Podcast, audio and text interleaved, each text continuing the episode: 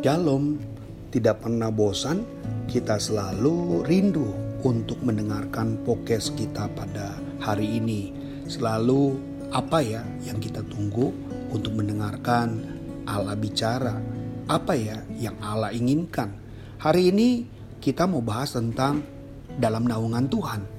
Kenapa kita harus ada dalam naungan Tuhan? Dinaungi artinya ya dilindungi, ya dinaungi artinya dipelihara Dinaungi artinya dijagai. Kalau saudara lihat ketika Israel perang dengan bangsa-bangsa Palestina, saudara lihat ketika Hamas itu melontarkan bom mereka, tiba-tiba waktu mau meluncur ke kota-kota Israel terpental saudara. Kenapa? Karena ada naungan ya, ada sebuah elemen yang mengitari negara negara mereka sehingga bom itu tidak bisa masuk. Nah, kalau negara mereka Israel yang bentuknya benda saja di, bisa dijagai, apalagi saudara. Penaungan kita atau shadow kita adalah Yesus namanya, Tuhan namanya. Dia adalah Allah yang Maha Kuasa, Almighty, ya, di mana dia selalu menjadi berkuasa di dalam kehidupan, berkuasa di dalam segala sakit penyakit, berkuasa di dalam keluarga, di dalam pekerjaan, semuanya. Covid yang serangan kedua ini adalah kita boleh tahu semuanya tidak akan berarti apa-apa kalau saudara ada dalam naungan Tuhan. Terjadi bisa saja terjadi dalam diri kita, tetapi tidak akan pernah mengambil iman kita. Dia boleh mencuri kesehatanmu, dia boleh mencuri uh, kekuatan dalam imun kita, tetapi dia tidak bisa mencuri iman yang kita miliki. Karena apa? Karena kita ada dalam naungan yang Tuhan. Nah, firman yang dikatakan dalam Mazmur 91 ayat 1, 2, 15 ayat ini selalu dibacakan di ketika orang sakit.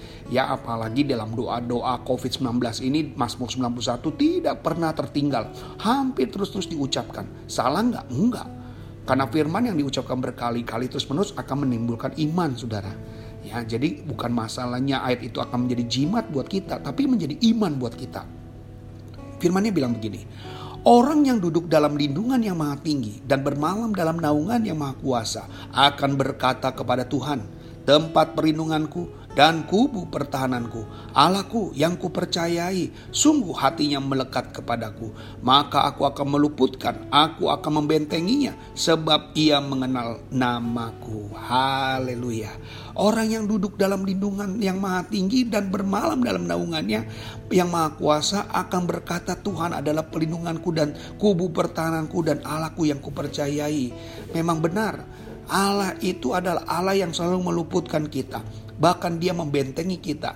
Jadi percaya, iblis boleh merebut kesehatan kita. Iblis boleh mengambil uh, kebahagiaan kita. Tapi dia tidak bisa mengambil iman yang kita miliki. Covid-19 kita setuju ya, adalah satu masa yang paling sulit. Saya nggak bilang masa ini adalah masa yang gampang. Siapa pun bisa terkena.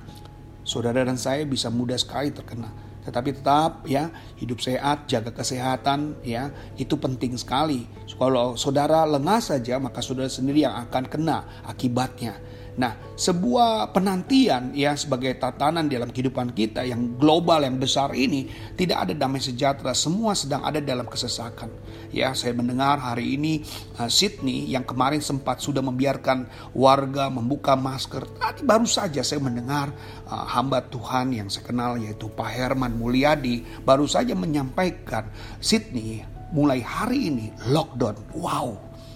Betapa kagetnya sesuatu yang sudah dianggap hilang, sesuatu yang sudah dianggap sebenarnya tidak ada lagi, tapi baru saja saya mendengar bahwa uh, Sydney mulai lagi untuk lockdown. Dibayangkan ya, ketakutan lagi mulai mencekam. Keterbatasan lagi waktu di tempat mereka yang tadi sudah bisa ke sana ke sini, tapi mereka saat ini sudah dengan pembatasan-pembatasan sama seperti kita mengalami PPKM Nah, tidak ada lagi kekuatan, uh, tidak ada lagi ya rasanya damai sejahtera. Ada mengganggu uh, psikolog kita ya, gimana? Ganggu sosiologi kita, ekonomi juga terganggu, kerohanian juga terganggu ya. Ada orang yang biasa ibadah online, ada orang yang tidak terbiasa ya. Ada yang memang juga pendidikan seperti kita hari ini. Semua pendidikan uh, sudah satu tahun setengah dengan cara online. Saya pikir ini akan bertambah lagi dengan pendidikan secara online. Kita nggak tahu bagaimana. Dan ini penting sekali bagaimana pimpinan-pimpinan Tuhan juga buat anak-anak kita.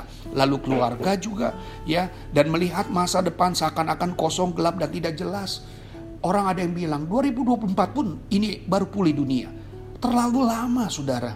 Kenapa kok ah, hal seperti ini kok sepertinya seperti genggaman? Udah banyak orang-orang yang menyampaikan ini adalah konspirasi, ini adalah cari uang. Saya tidak peduli dengan apa yang mereka katakan. Yang terpenting adalah bagaimana hal ini bisa terselesaikan dengan cepat dan baik. Saudara pasti juga beriman dengan sedemikian supaya semuanya cepat beres, ya, supaya padang belantara ini dengan yang ditandai dengan kecemasan, kebingungan cepat selesai. Ya, banyak orang-orang percaya yang hari ini terkapar, ya hamba-hamba Tuhan yang mengalami meninggal. Ya, saya percaya Posisi saudara hari ini ada dalam perjalanan rohani kita bersama dengan Tuhan. Saudara sedang berjalan bersama dengan Tuhan. Tuhan ingin mengajak saudara Tuhan ingin menuntun saudara supaya kita mampu melewati padang belantara ini. Secara pribadi Tuhan mau mengajar kepada saudara dan saya. Dia mau dituntun kita, dia mau saudara di uh, mentaati. Ya, jangan pakai intelektual, pakai keyakinan imanmu masa depan di mana yang kita telah letakkan kepada Kristus dalam pribadi Kristus dan kita selalu menggunakan perkataan-perkataan firman dengan lewat janjinya dan tanah perjanjian yang sudah disiapkan Tuhan itu tetap masih berlaku. Jangan pernah takut saudara dengan keadaan yang seperti itu.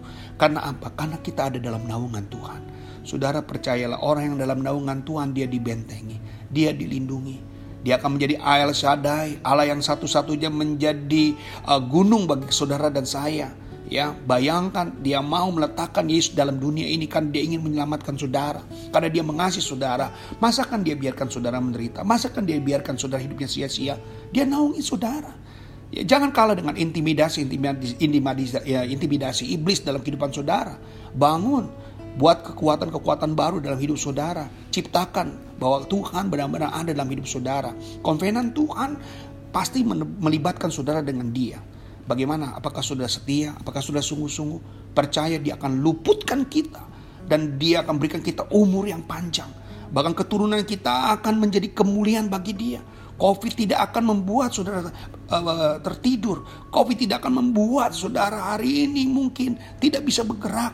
Percayalah, naungan Tuhan akan melindungi.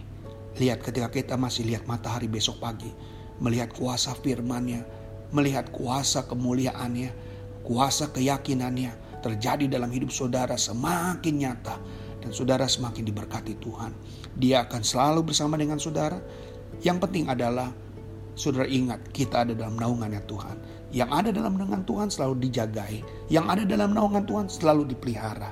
Kiranya firman Tuhan ini memberkati saudara pockets ini. Kalau sudah diberkati, bagikan. Bagikan kepada teman-teman saudara. Supaya mereka juga yang hari ini percaya saya dan saudara mengalami naungan Tuhan. Itu saja kebenaran firman Allah. Kiranya Tuhan Yesus memberkati buat kita semuanya. Haleluya. Shalom.